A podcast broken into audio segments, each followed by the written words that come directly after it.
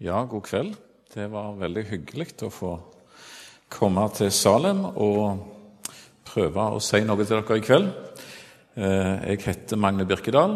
Jeg er til vanlig eh, emissær og reiser rundt omkring i området her. Det har jeg gjort i en del år etter hvert. Jeg eh, begynte som 19-åring, faktisk, og nå har jeg passert 50. Så det betyr etter rask overregning at jeg har iallfall vært ute i 30 år og eh, reist med Guds ord. Og det er jeg veldig takknemlig for at jeg eh, får lov til å gjøre. Ja, jeg vet ikke om jeg skal si så mye mer om meg sjøl, da, men jeg er gift med Tove, og vi har fire barn. Og vi bor på Madla. Herlaugsbakken 16C, for å være nøyaktige. Så der holder vi til, til vanlig. Og så har jeg fått et, eh, et intrikat emne i dag. Jeg snakket med Arnt Magne på telefon. Og han eh, snakket om noe med frelsesvisshet eh, kombinert med ransakelse, ransakelse. Altså hva er kjennetegn på en kristen? Og jeg skal prøve å si litt om det. Han nevnte et vers som vi ble enige om at jeg skulle prøve å ha til utgangspunkt. Så får vi se. Jeg har skrevet en prediken. Det har gått fort, for jeg har hatt en del møter i det siste og tema.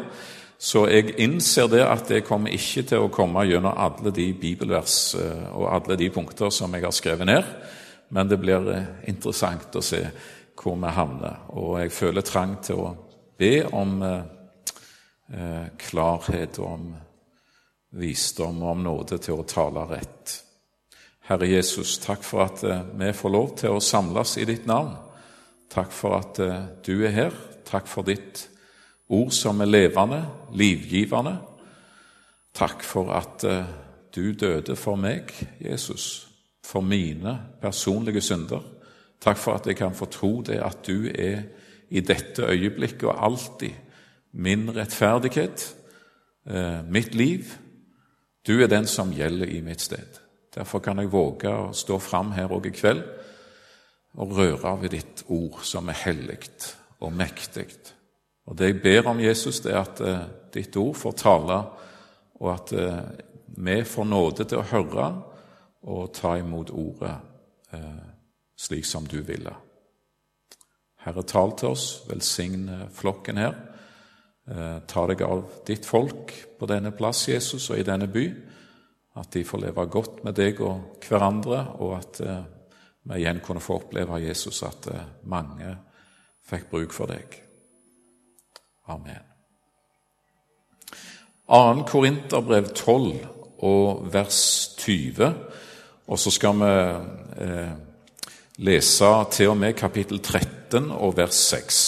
Og Det var egentlig eh, vers 5 der som ble nevnt som et utgangspunkt, og det skal vi stanse ved, men det er greit å ha med sammenhengen. Altså 2. Korinterbrev, kapittel 12 og fra vers 20 i Jesu navn. For jeg frykter for at jeg kanskje ikke skal finne dere slik jeg ønsker når jeg kommer. Han skal avlegge dem besøk. Og at dere skal finne meg slik dere ikke ønsker. Ikke som et hyggelig møte, men av et litt annet karakter at det skal være strid, misunnelse, vrede, selvhevdelse, baktalelse, sladder, oppblåshet, uorden. Jeg frykter for at min Gud igjen skal ydmyke meg blant dere, og at jeg skal måtte sørge over mange av dem som tidligere har syndet og ikke har omvendt seg fra den urenhet, utukt og skamløshet de har drevet med. Det er nå tredje gang jeg kommer til dere. På to eller tre vitners ord skal enhver sak stå fast. Til dem som før har syndet, og til alle de andre har jeg sagt det før ved mitt annet besøk hos dere. Og nå i mitt fravær sier jeg det igjen på forhånd. Når jeg nå kommer tilbake, vil jeg ikke vise skånsel. For dere krever jo et bevis på at Kristus taler gjennom meg. Og han er ikke svak mot dere, men han er sterk blant dere. For vel ble han korsfestet i svakhet, men han lever i Guds kraft. Og vel er vi svake i ham, men vi skal leve med ham ved Guds kraft hos dere. Så kommer verset. Ransak dere selv om dere er i troen. Prøv dere selv. Eller kjenner dere ikke dere selv, at Kristus Jesus er i dere? Det måtte da være at dere ikke består prøven. Men jeg håper dere skal få erfare at vi består prøven. Ransak dere selv. Og Da hadde jeg lyst til å ta med et avsnitt til i samme rekkefølge, som handler om det samme. Salme 139, vers 23 eh, og vers 24. Det er en salme av David, og han avslutter med en bønn. Ransak meg, Gud, og kjenn mitt hjerte. Prøv meg, og kjenn mine mangfoldige tanker, og se om jeg er på fortapelsens vei, og led meg på evighetens vei. Ransakelse. To eh, personer ifra Det ville Vesten tenkte jeg på når jeg så, eh, så med dette. her. Jeg tenkte for det første på Joseph Thompson Hare. Ikke så kjent i ettertid. Eh, hvis du hadde møtt han i hans glanstid på 1800-tallet, på slutten av det, og hadde spurt han, hva driver du egentlig på med, så hadde han svart jeg er predikant, jeg er forkynner. Eh, men han hadde en yrkeskombinasjon som var litt eh, utradisjonell, for å si det sånn. For av tre eh, stater i Midtvesten i Amerika var han etterlyst som en grov forbryter. Inntektene henta han ikke fra forkynnervirksomheten, men ifra å rane godsvogner. Det var hans uh, spesialitet, i sammen med den gjengen han hadde, å ligge i skjul eh, overfalle disse godsvognene eh, og få bytte fra det. Og mellom ran så studerte Joseph Thompson Hare Bibelen i timevis. Og ikke minst så studerte han John Wesley sine skrifter, der det står veldig, veldig mye bra. Og det var alltid bønnemøter foran hvert reid. De ba om velsignelse over eh, raneriet som skulle være over et godt utbytte, sikkert, og sikkert òg om at det skulle bli greit eh, på alle mulige måter. Så han preka til sine gjengmedlemmer, leste John Wesley sine skrifter for dem, og det fortelles at flere av gjengmedlemmene ble omvendt. Men eh, hans karriere som vekkelsespredikant, bibellærer og eh, godsvognrøver ble ganske kjapt avbrutt, og han ble tatt til fange og hengt, rett og slett. Det var den ville Vesten. Det var den ene jeg tenkte på. Og så hadde du en annen som heter Clay Allison. En uh, mer berømt skikkelse i ettertid. Uh, Dodge City i Kansas, det var der han holdt seg. Og Han levde fra 1840 til 1887. Han likte òg veldig godt å preike. Og når han talte, så var det ikke én som kikka på klokka, f.eks., eller så urolig eller smilte eller snakket med nabo eller noe sånt. Det var 100 disiplin. Eh, om det var fordi at han var en stor predikant, er kanskje mer tvilsomt. Det kan ha, ha hatt med det faktum å gjøre at når Clay Ellison preka, så hadde han sin bibel i den ene hånda og sin Colt 45 i den andre neven. Det var, det var sånn det var. Og det var ikke noen frivillige sak å komme på hans møter. Han gikk ut på gata med sin Colt 45, og så sa han 'kom her'. Og så kommanderte han folk inn, og ingen vågte å mukke når han sa noe, for de visste at denne mannen han er ikke helt god. Altså, han, eh, han var definert som en lovmann, men han balanserte ganske hårfint mellom det å være en lovløs og å være en lovens mann. Han eh, likte å drikke, eh, og han eh, preika i barer og i saloner, altså, når han fikk det for seg. Hans karriere òg som revolvermann og predikant ble avbrutt da han falt av ei vogn og fikk hodet knust under hjulet. Det var den ville Vesten. Var de frelst, disse her to? Kanskje Og nå er det godt at det ikke er vi som skal eh, eh, Ikke sant? Det er ikke vår sak å avgjøre. Men det er noe som gjør oss skeptiske når vi hører om disse og andre, som f.eks. han predikanten òg i Det ville Vesten. Nå husker jeg ikke navnet på han, men eh, som ble lei av kona eh, og simpelthen forgiftna. Kort prosess. Men han var ute og preika ellers òg, så både før og etter, til det ble avslørt. Eh, livet, ikke sant? Én ting å ha en kristen bekjennelse og ha det i munnen. Noe annet er når du har et helt annet liv, og når livet eh, motsier alt det du sier med din munn. Og Det var en kar som sa det på en arbeidsplass til en, eh, en eh, arbeidskollega som bekjente seg som en kristen, men som ikke levde sånn som han burde ha gjort på arbeidsplassen. Og En dag når han vitna, prøvde å si noe til, til sine arbeidskollegaer, så sa arbeidskollegaen du kan bare lukke munnen, for livet ditt roper så høyt. Jeg hører ikke et ord av det du sier. Det er alvorlig. Altså Hvis munnen sier én ting, men livet, det vitner om noe aldeles annet. Og Derfor så blir jeg skeptisk når jeg hører om Joseph Thompson Hare og Clay Ellison osv. Hvem er en kristen? Hva ville du svart på det spørsmålet? Det er forskjellige svar forskjellige mennesker gir. Noen sier at eh, den som har bestemt seg for å være en kristen, er en kristen. Dessverre. Det er aldeles ikke alltid sant, det. Den som vil være en kristen, er en kristen, sier noen. Ja, det er godt å ville, og det er nødvendig med en bestemmelse. Men eh, dermed er ikke alt sagt om dette herrene. Og om en har opplevd store bønnhørelser og har nådegaver å vise til, og er aktivt med i en tjeneste osv., så, videre, så er heller ikke det en garanti for at en er en kristen. Eh, og Noe av det mest sjokkerende jeg vet om i Bibelen, det er Matteus 7, vers 22-23. Bare eh, ta med de to versene for, eh, i, i full fart.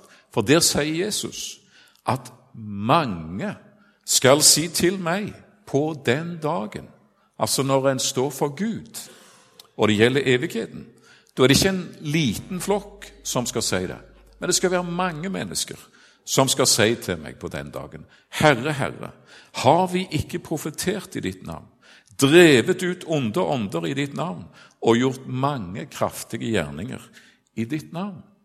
Jesus, jeg har jo alltid vært inne. Jeg har satsa livet på deg. Jeg har talt profetisk, og du sa i ditt eget ord, Herre, at det var den nådegava en skulle eh, be mest om å få. Og jeg hadde det. Jeg var karismatiker. Jeg hadde nådegaver, og jeg profeterte sant i ditt navn. Og jeg kasta ut onde ånder i ditt navn. Misjonær. Opplevde store, mektige ting at du er sterkere enn Satan. Jeg så det i min tjeneste, og jeg opplevde mange kraftige gjerninger i ditt navn. Jeg ba, og jeg fikk svar. Det var lamme som reiste seg eh, fra eh, rullestolen ved min forbønn. Det var blinde som fikk syn igjen. Det skjedde helt ekstraordinære ting. Jeg må være din. Da skal jeg åpent si til dem jeg har aldri kjent dere. Vik bort fra meg, dere som gjorde urett. De hadde bestemt seg, de hadde store opplevelser og bønnhørelser og sånt. Men de var ikke frelst. Og jeg trenger å be den bønnen, og jeg trenger å bli minnet om, om det som står her i 2. Korinterbrev 13. Ransak dere selv om dere er i troen. Prøv dere selv. Er Kristus, Jesus, i deg? David han ba, ransak meg, Herre.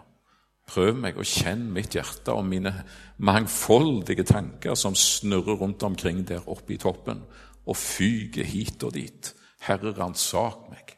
At jeg ikke bedrar meg sjøl. tror at jeg er din, og så er jeg egentlig ikke det. Tror at jeg er på vei til himmelen, og så er jeg på full fart på vei mot helvete. Herre, ransak meg, at jeg ikke havner der med tro på at alt er i orden, og så har alt bare vært eh, skuespill, egentlig. Det står en del i Bibelen om ransakelse, og det står noen advarende eksempler. Og nå i sommer som var, så eh, var vi noen venner som var en tur i Tyrkia. Vi skulle til en plass som heter Hierapolis, og vi skulle til Efesus. Så kjører vi over ei, ei slette der, og så står det et sånn litt slitent eh, eh, eh skilt på venstre side av veien. Eh, litt sånn herja og ikke sånn veldig synlig. Men plutselig så var det en i bussen, minibussen som ropte 'Vent', sa han. Hva var det som sto på det skiltet? Jeg tror det sto 'La-o-di', sa han. La-o-di-kea. Vi måtte sjekke det. Og Dagen etterpå så kjørte vi tilbake igjen der, og opp på den høyden og åskammen der vi hadde sett noen sånne noen, eh, si, søyler som sto opp der, og en, eh, en, eh, en sånn heisemaskin som drev på tydeligvis og jobba. Og når vi kom inn der, eller inn på det området, så var det Laudikea. Og det gikk en haug med Indiana Jones-typer rundt omkring med teskjeer og forskjellig og med hatter på hodet og drev på og pussa eh, eh, fram det ene, eller liksom å lete etter ting. Og det var sperringer og alt mulig der vi ikke fikk lov til å gå, men vi fikk gå noen plasser. Og det var helt spesielt for meg å sitte på det gamle amfiteateret der, lese Åpenbaringen 3. Og det kom så nært. Så vi over på Hierapolis, der de varme kildene kom ifra, og bortigjennom der, de, der de kalde kildene skulle liksom komme til denne byen, som ikke hadde egen vannforsyning. Og så visste vi at der borte er Colosseum egentlig bare en, eh, ingenting i dag. Men nå er vi midt i Bibelens kjerneområder. Her skjedde det store ting. Og det var merkelig å sitte der og lese brevet til engelen for menigheten i Laudikea. Åpenbaringen kapittel 3 og vers 14. Skriv til engelen for menigheten i Laudikea. Dette sier Han som er Amen, det trofaste, sannferdige vitne, opphavet til Guds skaperverk. Jeg vet om dine gjerninger at du verken er kald eller varm. Det hadde vært godt om du var kald eller varm, men fordi du er lunken og verken kald eller varm, vil jeg spy deg ut av min munn. Du sier, 'Jeg er rik', 'Jeg har overflod og har ingen nød', og du vet ikke du er ussel, ynkelig, fattig, blind og naken. Så råder jeg deg at du kjøper av meg gull lutret i ild, for at du kan bli rik. Du tror du er rik, men du er ussel og fattig. Men jeg har gull for deg. Du er naken, jeg har hvite klær for deg. Du er blind, jeg har øyensalve til å salve dine øyne med. Jeg har alt det du behøver. Problemet er at du tror ikke at du har behov for det. Du tror alt er i orden. Så bedrar du deg sjøl. Alle dem jeg elsker, dem refser og tukter jeg. Derfor ta det alvorlig og omvend deg. Se, jeg står for døren og banker. Og om noen hører min røst og åpner døren, da vil jeg gå inn til ham og holde nattverd med ham og han med meg. Jeg står utenfor døra hos deg i Laudikea. Du tror at jeg er innenfor, men jeg står utenfor døra. Du har navn av å leve, men dessverre så er du ikke på veien. Men jeg banker på, for jeg vil inn, for jeg elsker deg, og jeg ønsker å møte deg. Kanskje kan det være aktuelt for noen i kveld.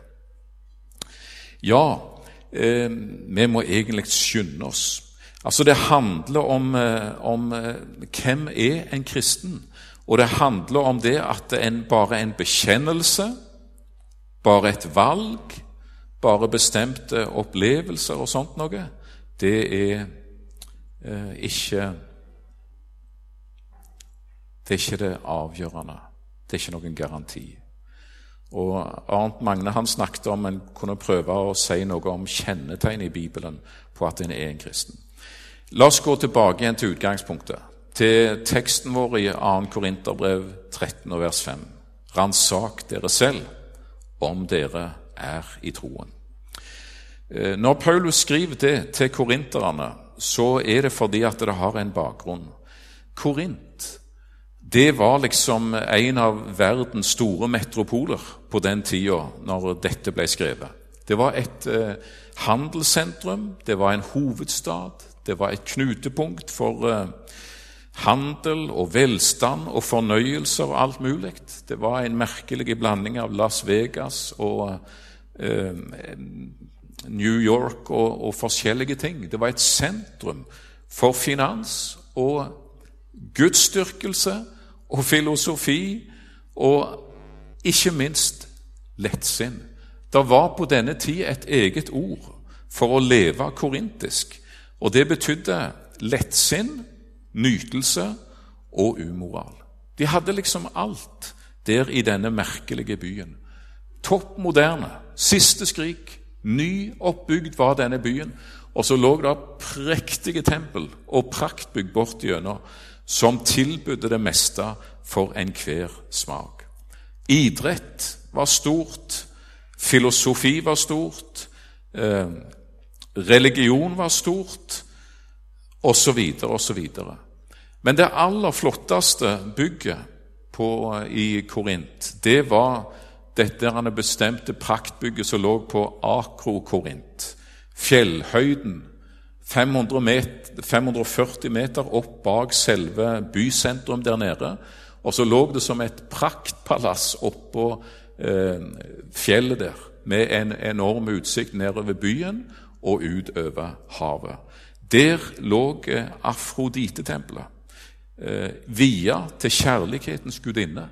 Og Der forteller en historiker fra denne tid der var det over 1000 tempelprestinner eller for å si det som det var prostituerte, tempelprostituerte, som hadde sin geskjeft. Så hver kveld så strømmer det en eh, Altså de som ikke kom opp frivillig til dette kjærlighetens tempel, som de kalte det, der det handler om sex og ikke noe annet. For det var det det var. Det var altså gudsdyrkelse via Afrodite. Det var samleie. Det var sex.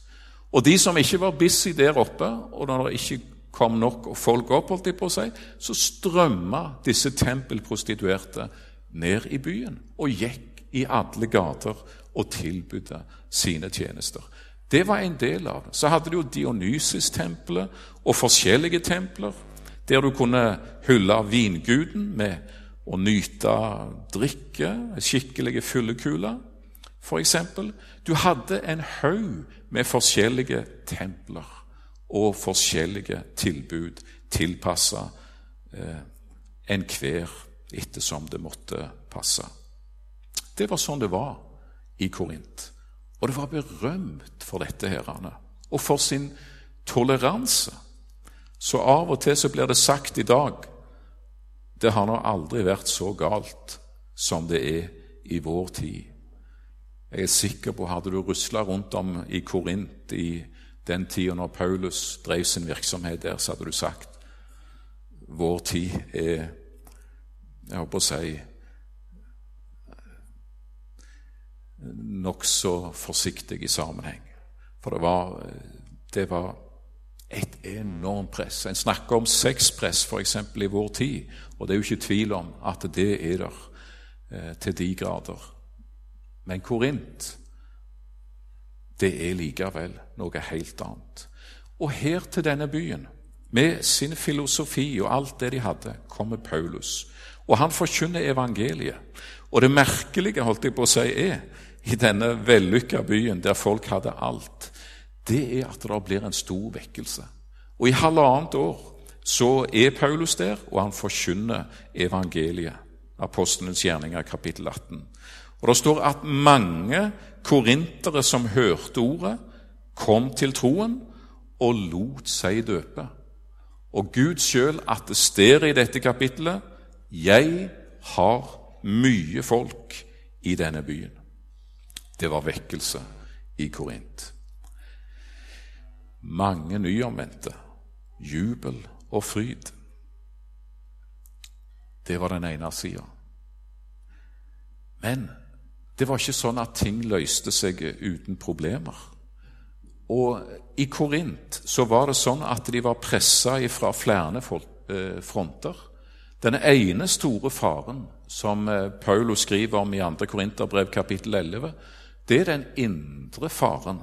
Det var den vranglære som heter judaismen, som eh, sneik seg inn i menigheten, og som Paulus bekjempa så enormt. Hele Galaterbrevet er skrevet imot denne vranglæren. Folk som kom og forkynte Jesus, og sa veldig mye fint og riktig om Jesus. Men de sa det at det Jesus gjorde når han døde for våre synder osv., det var helt nødvendig. Men vi kan jo ikke bare være frelst av nåde. Det må jo være en egenandel. Ellers så havner vi helt på viddene. Så de sa at uh, i tillegg til det Jesus gjorde Du møter de apostlenes gjerninger, kapittel 15. Så må vi òg prestere og gjøre noe. Det er en egenandel i frelsen. Og akkurat dere, den vranglæren, den kom òg til Korint, og Paulus er fortvila over det. Han sier at eh, dere tåler det. Når, dere kom, når det kommer en og forkynner en annen Kristus, og en annen ånd og et annet evangelium, så tolererer dere det. Jeg er bekymra for dere, sier han. Det var den indre faren, vranglæren, som sneik seg inn. Og toleransen som det liksom ble møtt med. Den andre faren, den var fra utsida. For disse nyomvendte korintere de var òg barn av si tid og av sin kultur.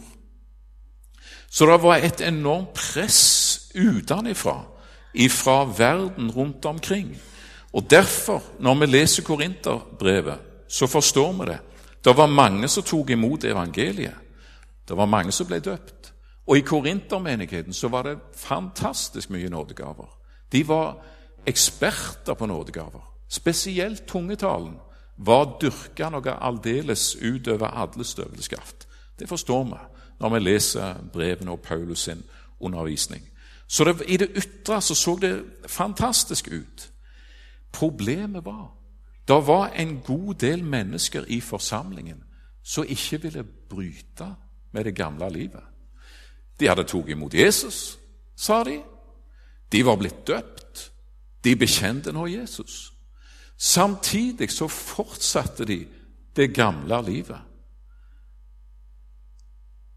Kanskje de fremdeles var oppe på, på Akro-Korint, ved Afrodite-tempelet, når det måtte passe. Kanskje de var innom Dionysus-tempelet eller de andre plassene. Og Vi vet jo òg det at i forbindelse med jobb, f.eks., så var det ganske sterkt press for det at det var laug og sånt. og hver profesjon hadde sin egen skytsgud eh, som de dyrka. Og når festlighetene var, så var det dyrkelse til disse avguder. Og disse festlighetene hadde en tendens til å utarte til det aldeles eh, til slutt. Men du måtte liksom være med på disse festlighetene for å ha jobben din.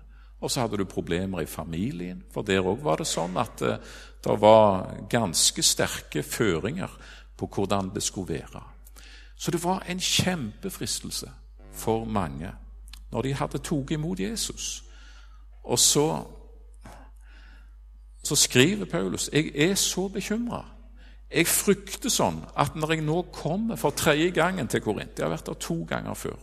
Så skal jeg igjen finne dere sånn som jeg ikke ønsker å finne dere. At det skal være åpenbar synd iblant dere og at mange av de som tidligere har synda og levde et reinspikka eh, hedensk liv, og så tok de imot Jesus, og så fortsetter de, og så har de ikke omvendt seg fra den urenhet, den umoral og skamløshet som de drev med før. De går i forsamlingene og bekjenner Jesus. Og så er det opp i Afrodite-tempelet en annen dag. Og så er det inn til Dionysos. Og så er det Sefstempelet en annen gang. Og så er de med på fester i forhold til jobben. Og så er det familiegreier alltid sammen. Og så kommer de på møtene. Og så er det hendene i været. Og så er det tungetale og svære ting. Og så rett ut etterpå. Ransak dere selv, skriver Paulus, om dere er i troen. Prøv dere sjøl. Eller kjenner dere ikke dere sjøl at Kristus Jesus er i dere?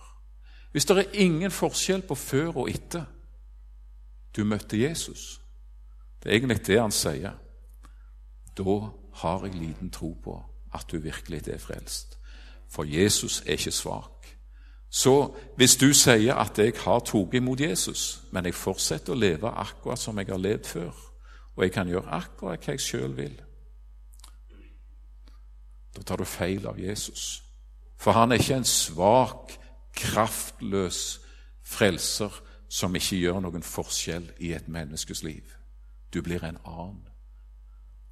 Har du virkelig tatt imot Jesus, så vil det føre til et forvandla liv. Og I Korint så var det ikke minst i forhold til det sjette bud. og Han skriver i 1. Korinterbrev kapittel 5 og vers 1 og, og snakker om det at det høres om hor iblant dere. I det hele, sier han. Altså, det er ikke bare et spredt tilfelle, men i det hele, når jeg hører om forsamlingen deres, så høres det om hor iblant dere. Og til og med, sier han, om slik hor som ikke engang hedningene her i Korint kan akseptere at en mann lever med sin fars hustru. Og så får han gå i forsamlingen deres. Og så får han være med på alt mulig, og ingen sier noen ting. Og alt er i sin skjønneste orden, liksom. Og dere er oppblåst, skriver Paulus. Skulle dere ikke heller sørge og få orden i dette her? Det passer ikke eh, å leve på en sånn en måte for den som har tatt imot Jesus. Livet roper at du ikke hører Jesus til. Munnen bekjenner. Jeg er en kristen, men livet ditt sier noe helt annet. Våkn opp. Ransak deg sjøl om du virkelig er i troen. Det var det er bakgrunnen, og det er sannelig aktuelt òg den dag i dag. Nå har klokka gått så fort at eh, Og det visste jeg jo for så vidt, men jeg visste ikke hva her eh, jeg håper å si, eh, Johannes han skriver, hvis vi kan ta med bare eh, noen sånn få kjennetegn på at en er en kristen For, for det er det Paulus skriver om. Hvis du har møtt Jesus, så utgjør Jesus en forskjell i ditt liv. Du lever ikke som du hadde gjort om ikke Jesus eh, Altså, du lever ikke etter du har møtt Jesus, slik som du gjorde før. Du er en annen person med Jesus enn du hadde vært uten han. Eh, Johannes, altså i alle Bibelens brever og i evangeliene så finner du disse kjennetegn som står eh, omtalt på en kristen. Og I kapittel 1 bare nevner det summarisk noen få kjennetegn her. I 1. Johannes brev for eksempel, så nevner jeg en del av disse. Eh, det første han tar fram i kapittel 1 og vers 6-9, det er kjennetegnet på en kristen. Du vandrer i lyset, i syndenes bekjennelse. Eh, det nytter ikke å si at jeg ikke er en synder og ikke har synder. Da bedrar du deg sjøl. Men uh, du lever ikke i mørket, du lever i lyset. Og det er noe av det aldeles grunnleggende med en kristen, at når Herren taler i sitt ord om synd i ditt og mitt liv, så gir du Herren rett. Da unnskylder du det ikke. Du bortforklarer det ikke. Men du har denne bønnen ransak meg, Gud, og kjenn mitt hjerte. Prøv meg. Kjenn mine mangfoldige tanker, og se om jeg er fortap på, på fortapelsens vei. Og led meg inn på evighetens vei. Det handler ikke om alle de andre, men det handler om meg og mitt forhold til deg. Og det er et kjennetegn. Det må ikke være noe uoppgjort imellom meg og min Gud. Det andre, veldig summarisk, som han skriver om i kapittel eh, 3 og fra vers 6 til og med vers 9, det er at en kristen kan ikke synde. Det er egentlig i den samme retningen. Han har nettopp sagt at eh, vi er syndere. Men her står det noe annet, nemlig om å leve og praktisere synd som om at det er ditt element. Det er der du lever. Det er der du er. Og det kan ikke en kristen, sier eh, Johannes brev. Det er umulig å leve i eh, åpenbar synd for den som hører Jesus til. Og det er et kjennetegn. Det er et kjennetegn på den som hører Jesus til. Det har noe med det samme å gjøre som det første, at jeg bekjenner synd som synd, og så innretter jeg meg etter det. Jeg kan ikke leve i det som Guds ord kaller synd. Og i forlengelsen av det et tredje kjennetegn, kapittel 2 og vers 3 til og med vers 5. Der står det at den som elsker Herren, holder Hans bud, holder Hans ord. Og I kapittel 5 og vers 3 så står det ennå til at Hans bud er ikke tunge. Eh, det er den positive sida av det. Du ønsker å leve etter Guds vilje. Det er sant. Vi har to naturer.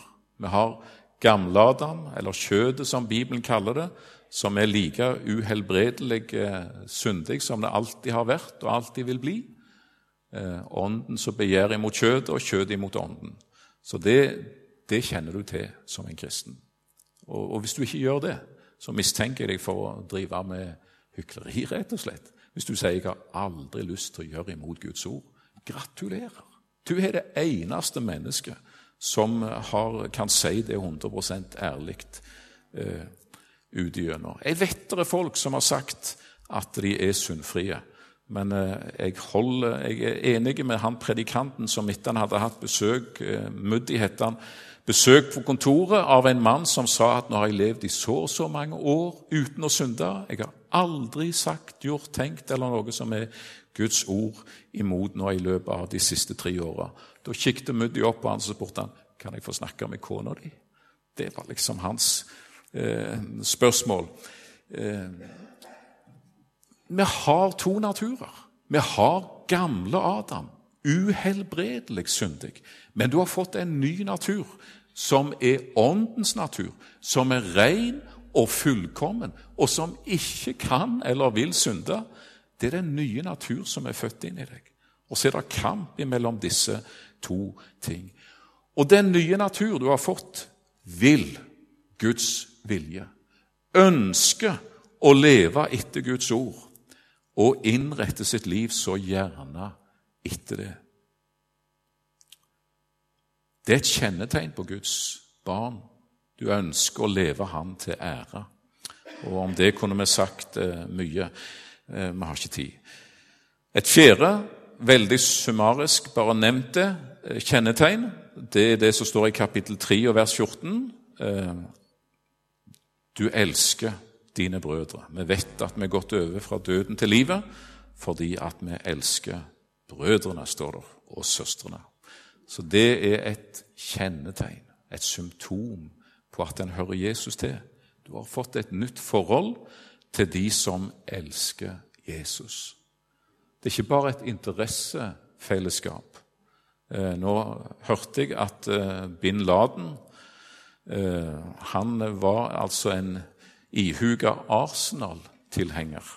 Og For noen så var det kanskje noe som løfta han et hakk opp at han holdt nå iallfall med Arsenal. For andre var det bare noe som gjorde det kanskje uh, enda greiere at han ikke er der lenger. Uh, men det er nå så. Du kan ha et sånn et, et, sånn et interessefellesskap som kan binde i sammen. Men når det gjelder bror- og søstersamfunnet, så er det noe mye mer. For dere er søsken. Du er min bror, du er min søster. Det er en helt ny familietilhørighet en har fått. Og det er noen helt spesielle bånd som der vi binder i sammen. Og det er denne agapekjærligheten som en ikke har uten Jesus. Eh, der står hver den som elsker, er født av Gud. Og det er noen som sier ja vel, da er iallfall jeg født av Gud, for jeg er veldig glad i den og den og mine foreldre osv. Ja, men det står agape på grunnteksten. Og hver den som elsker med agape, altså Guds kjærlighet, er født av Gud. For det er ikke den naturlige, men det er den overnaturlige kjærlighet. Du er knytta sammen til Jesus, og du er dermed knytta sammen med hans folk. Og Dette er ifølge Skriften et kjennetegn, noe av det ytre som konstituerer at eh, du lever med Gud. Fire punkter der. Eh, hvis du skal summere dem opp, og alt det som Bibelen sier, så kan du slå alle disse ting i sammen i ett ord helliggjørelse. Helliggjørelse. Kjennetegnet på at eh, et Guds barn er frelst, er helliggjørelse. Rett og slett. Det er det det handler om. Og uten helliggjørelse, står det i Skriften, skal ingen se Herren. Altså Hvis du er nøyaktig den samme som du var før du tok imot Jesus, eller som du hadde vært uten at du bekjente Jesus, ja, så er det fordi at eh, Da er det stor grunn til å spørre er du virkelig frelst. For hvis Jesus ikke gjør noen forskjell i ditt liv, så er det ikke sånn Jesus er. Han gjør forskjell i et menneskes liv. Det er sant. Din helliggjørelse kan aldri bli fullkommen. Og Egentlig så var det det vi skulle sagt en del om. For det er to begrep i Bibelen så det er helt nødvendig for oss at vi lærer å skille imellom. Og det er rettferdiggjørelse og helliggjørelse. Du kan godt si at det er Kanans språk, men det er Bibelens språk. Og rettferdiggjørelsen tar som Spurgeon, en gammel predikant, sier, ikke et sekund engang, men helliggjørelsen tar en levetid. Rettferdiggjørelsen, det er rett og slett frelsen. Og i det øyeblikk du mottar Jesus, så blir du rettferdiggjort for Gud. Eh, og det betyr fullkommen, frikjent, uten synd. Og det er ingen grader i rettferdiggjørelsen. Du kan ikke være mer eller mindre rettferdiggjort. Og det går ikke i rykk og napp at nå er du så rettferdiggjort for Gud, for nå har du levd veldig godt og inderlig med Jesus, og så, så daler det rett ned der, og så er du så lite rettferdiggjort, og så er det sånn. Rettferdiggjørelsen er helt konstant, og det er ingen grader i det. Eh, å være frelst det betyr at du er like rettferdig for Gud som Jesus er det. Like syndfri for Gud som Jesus er det. Og det er du i dine bedre og dine verre stunder.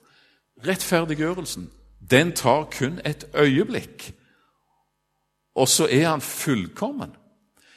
Men når du begynner å leve med Jesus, så begynner det et nytt liv, og det er helliggjørelseslivet. Og der er det mange grader. Der går det opp og ned. Noen tider så lever en så hellig med Gud, og andre ganger så faller en, og så er det sånn. Og så går det veldig sånn, så det går to linjer. Rettferdiggjørelsen, og så er det helliggjørelsen som vingler her nede. Helliggjørelsen behøver ei levetid og blir aldri fullkommen. Rettferdiggjørelsen tar et øyeblikk og er vedvarende fullkommen. Altså Helliggjørelsen er en følge av rettferdiggjørelsen, og ikke en forutsetning for rettferdighet og frelse. Det er viktig å få med seg at eh, når det gjelder min frelse hos Gud, så skal jeg ikke stå for Gud etter min helliggjørelse. Og Det var det som var det tragiske med disse i Matteus 7, som sier, 'Herre, Herre, har jeg ikke talt profetisk?' 'Og har ikke jeg drevet ut vonde ånder?' 'Og har ikke jeg gjort mange kraftige gjerninger i ditt navn?' De kom fram for Gud med sitt kristenliv og med sin helliggjørelse og ville møte Gud med det. Det kan aldri gå bra. For din helliggjørelse er ikke fullkommen, og du må være fullkommen for å komme inn i himmelen. Det er i kraft av din rettferdiggjørelse du skal møte Gud. I kraft av Jesu blod som uavbrutt renser deg 100% ifra all synd. Det er ikke i ditt navn du skal stå for Gud med ditt mer eller mindre vellykka kristenliv, men det er Jesu navn. Og han er nok for deg til frelse. Hva da med helliggjørelsen? Det er en frukt av rettferdiggjørelsen. Og det er kjennetegnet på jord på at her er det et menneske som virkelig er rettferdig for Gud. Det er ikke i kraft av det du skal møte Gud. Og du skal ikke tenke eh, på en sånn en måte at eh, eh, Lever jeg nå riktig nok, og har jeg nå bedt nok, og har jeg nå lest nok til at jeg er frelst? Det er ikke der det ligger. Det er Jesus som er din frelse. Likevel så er det viktig med helliggjørelsen, for det er den som er kjennetegn for verden og i den verden du lever på at du hører Jesus til. Hvis ikke Jesus utgjør noen forskjell i ditt liv, så er det fordi at han ikke er der. Hvis du lever i uoppgjort synd, i et uredelig opp, altså forhold til Herren, så er det fare på ferde. Og det er derfor at ordet kommer oss til møte og sier 'ransak deg sjøl om du er i troen'. Lever du med Jesus? For hvis du gjør det, så må du ha et åpent og ærlig forhold til ham. Herre Jesus, eh, nå ser du hvordan dette ble i kveld. Og Jesus, jeg eh, vet at jeg trenger så veldig å be den bønnen om at eh, jeg må bli ransakt. Jeg vet, Jesus, at det er kun i kraft av ditt blod jeg er rett beredt til å møte Gud. Men jeg ber Jesus om at jeg kunne få leve sånn i denne verden at òg eh, livet mitt kunne vitne om deg, og vitne om at eh, du er en levende frelser i mitt liv, Jesus. Herre, du ser oss som sitter her i kveld. Du kjenner den enkelte. Du vet hvor vi befinner oss. Så er det kanskje mennesker her i kveld som trenger å møte deg på nytt. Kanskje er en begynt å komme inn i et forhold som eh, sakte og ubønnhørlig driver vedkommende bort ifra deg. Herre, vil du vekke opp den det gjelder? Vil du dra oss inn til deg igjen? Vil du begynne på nytt i mitt og i vårt liv, Jesus? Takk at du vil det. Amen.